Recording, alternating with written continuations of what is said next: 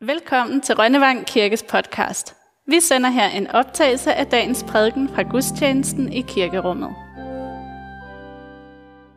Jesus svarede, Hvis Gud havde været jeres far, så ville I have elsket mig, for jeg kommer fra Gud, og det er derfor, jeg er her. Jeg er ikke kommet af mig selv, det er Gud, der har sendt mig. Når I ikke forstår, hvad jeg siger, er det fordi, I ikke er i stand til det. Det er djævlen, der er jeres far, og I vælger at følge hans lyster. Han har været en morder fra begyndelsen. Han har aldrig været til at stole på, og sandheden ved han ikke, hvad er. Når han lyver, er det helt naturligt for ham. Han er en løgner. Ja, al løgn kommer fra ham. Og det er derfor, I ikke tror på mig. Jeg siger nemlig sandheden. Hvem af jer kan pege på noget forkert, jeg har gjort? spurgte Jesus. Hvorfor tror I så ikke på mig, når jeg fortæller jer sandheden? Dem, der tilhører Gud, hører, hvad han siger, men I hører ikke efter, for I tilhører ham ikke. Jeg er jo fuldstændig ret, når vi siger, at du er lige så slem som en samaritaner og besat af en dæmon, svarede de jødiske ledere. Jeg er ikke besat, svarede Jesus. Jeg viser min far respekt, men I foragter mig. Jeg forsøger ikke selv at opnå respekt. Det er der en anden, der sørger for. Og han er dommer. Hør nu her, fortsatte Jesus. En hver, der gør, hvad jeg siger, vil aldrig nogensinde dø. Amen.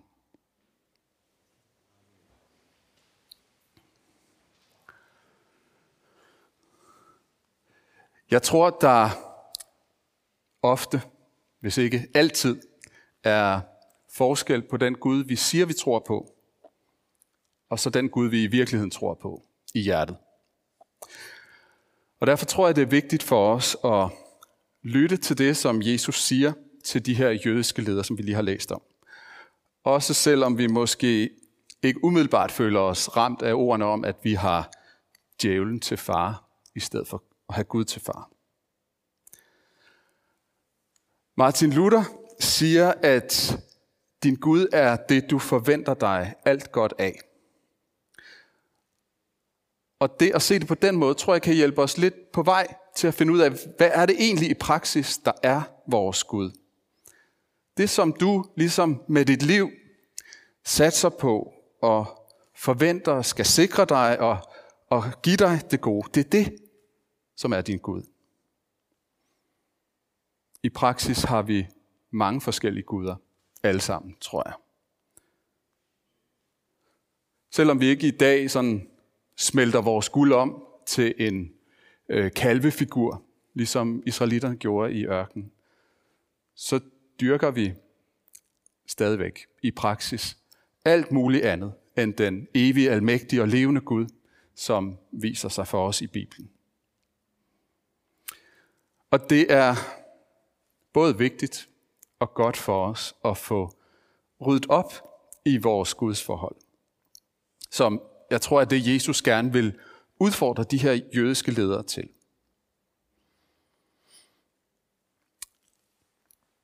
Den internationalt anerkendte religionspsykolog Kenneth Pargament, han, øh, han kommer fra sin vinkel, sin faglige vinkel som religionspsykolog, ind på på nogle af de problemer, det kan give os, når vi dyrker guder, der enten er for små eller falske.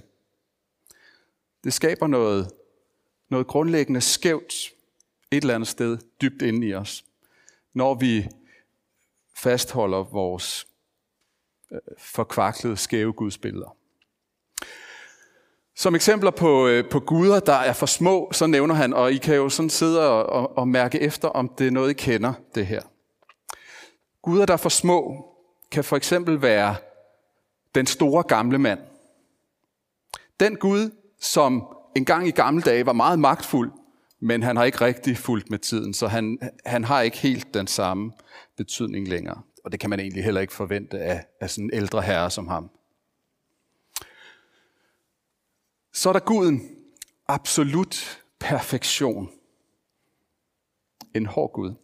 En Gud, som kræver total loyalitet og perfekte præstationer. Så er der guden, den himmelske favn. Altså, krammer guden. Den Gud, som giver ubegrænset omsorg og trøst, uden nogensinde at forvente noget tilbage.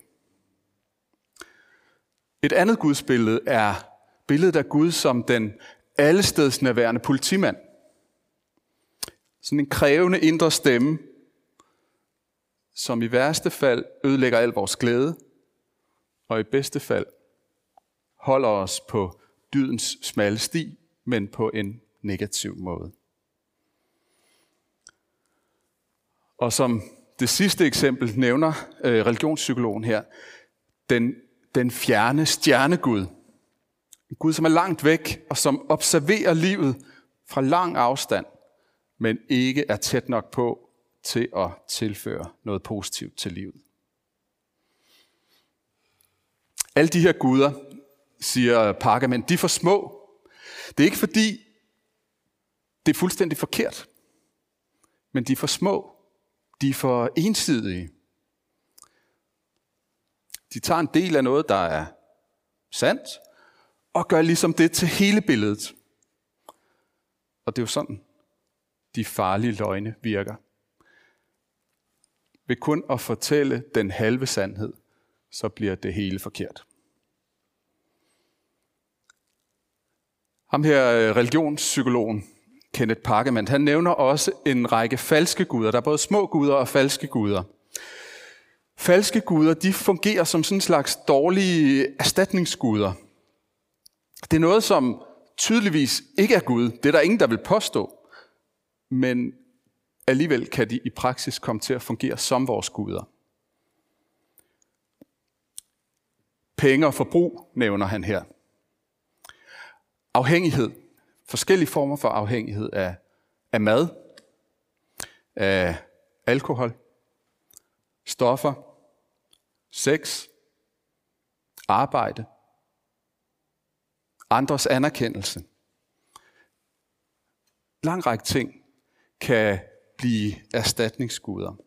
Så nævner han også, at en af de mest populære af de her falske guder i dag, det er måske os selv. Der er rigtig mange, der dyrker sig selv. Der er rigtig mange af os, der dyrker os selv som en Gud. Jeg synes, det er ret tankevækkende, at sådan en moderne og ikke kristen øh, religionspsykolog psykolog her, øh, som Kenneth Parkerman, han langt på vej taler om noget af det samme, som jeg tror er på spil i det, Jesus siger til de jødiske ledere i dagens tekst. Det her spørgsmål om afgudstyrkelse, det er højaktuelt, også i dag, fordi det er evigt aktuelt. Et historisk eksempel fra franskmanden Blaise Pascal, som levede i 1600-tallet. Han, øh, han kommer også ind på det her med nogle lidt andre ord. Han taler om lykken og siger, alle mennesker stræber efter at blive lykkelige. Det er det mål, som vi alle sammen stræber hen imod. Og når nogen drager i krig, og når andre bliver hjemme, så er det det samme mål om at blive lykkelige, de går efter, men ud fra forskellige øh, opfattelser. Den her stræben efter lykke, det, det, det er det, der ligger bag alt, hvad vi gør, det påstår han, og jeg tror rimelig meget på ham. Øh, den ligger bag alt, hvad vi gør. Den er motivet for alle menneskers handlinger. Indbefattet dem, der går hen og hænger sig, siger han. Problemet for os er, at vi ikke kan finde lykken ved vores egen kraft. Vi bærer et uendeligt tomrum i os, som vi så prøver at fylde med alt muligt forskelligt. Men tomrummet er uendeligt, og derfor kan det kun fyldes af et uendeligt og uforanderligt væsen, nemlig Gud selv. Gud alene er menneskets virkelige ophøjet gode, skriver han. Og siden Gud har forladt mennesket, er der intet i naturen, som har kunnet udfylde hans plads. Hverken stjerner, himmel, jord, elementer, planter, kål, porer, dyr, insekter, kalve, slanger, feber, pest, krige, hungersnød, laster, hår eller blodskam. Og siden mennesket har mistet det sande gode, kan alt muligt tage sig ud som et gode, til og med menneskets egen ødelæggelse. Hvor stærkt det så end måtte stride mod Gud, fornuften og menneskenaturen på en og samme gang. Vi, vi kæmper så desperat for at få fyldt noget i det her hul, og vi kan komme virkelig på afvej i jagten på lykken. Hvad skal vi gøre ved det, hvis de har ret, de her kloge herrer, jeg har prøvet at gengive? Kenneth Parkement, religionspsykologen, han fremhæver det her med, at vi ikke har adgang til Gud, sådan som han er i sig selv. Og derfor er det, er det kun religiøse symboler, som er gået i stykker, som på en eller anden måde er brudt, der kan være sande, siger han. Kun det, kun det der er, er brudt, det kan pege ud over sig selv på den langt større bagvedliggende virkelighed, som vi tror Gud er. Og hver gang vi øh, øh putter vores Gud ned i en eller anden kasse, så kommer den her kasse til at spærre for den større virkelighed bagved. Derfor ligger der noget vigtigt i selve det at få ødelagt eller nedbrudt de her falske billeder, vi kan gå rundt og have af, hvem Gud er. Også selvom det altid vil være forbundet med smerte for os. Men hvad skal vi så sætte i stedet for vores små, falske guder, når de, når de går i stykker? Her skal vi se, hvad, hvad Jesus siger. Jesus kommer nemlig i, i dagens tekst med et ret dramatisk forslag egentlig, til hvad vi skal sætte som Gud i vores liv. Nemlig ham selv. Det er ret vildt. Han står der og siger, det, er mig. Det er mig, I skal øh, have som Gud. Det, han bruger ikke de ord, vel? Men, men det er det, han siger til de jødiske ledere. Hvem af jer kan pege på noget forkert, jeg har gjort, siger han, for at citere direkte. Jeg siger sandheden. Hvem andre end Gud gør det? Og hvem, er, hvem andre end Gud kan have dækning for det, han slutter af med at sige? En hver, der gør, som jeg siger, skal aldrig i evighed dø. Han stiller sig der foran dem og siger, det er mig. Som, øh, som som noget helt andet end alt andet. For Jesus er ikke bare en eller anden ny Gud i en boks eller kasse. Jesus er det store paradoks, at Gud blev menneske.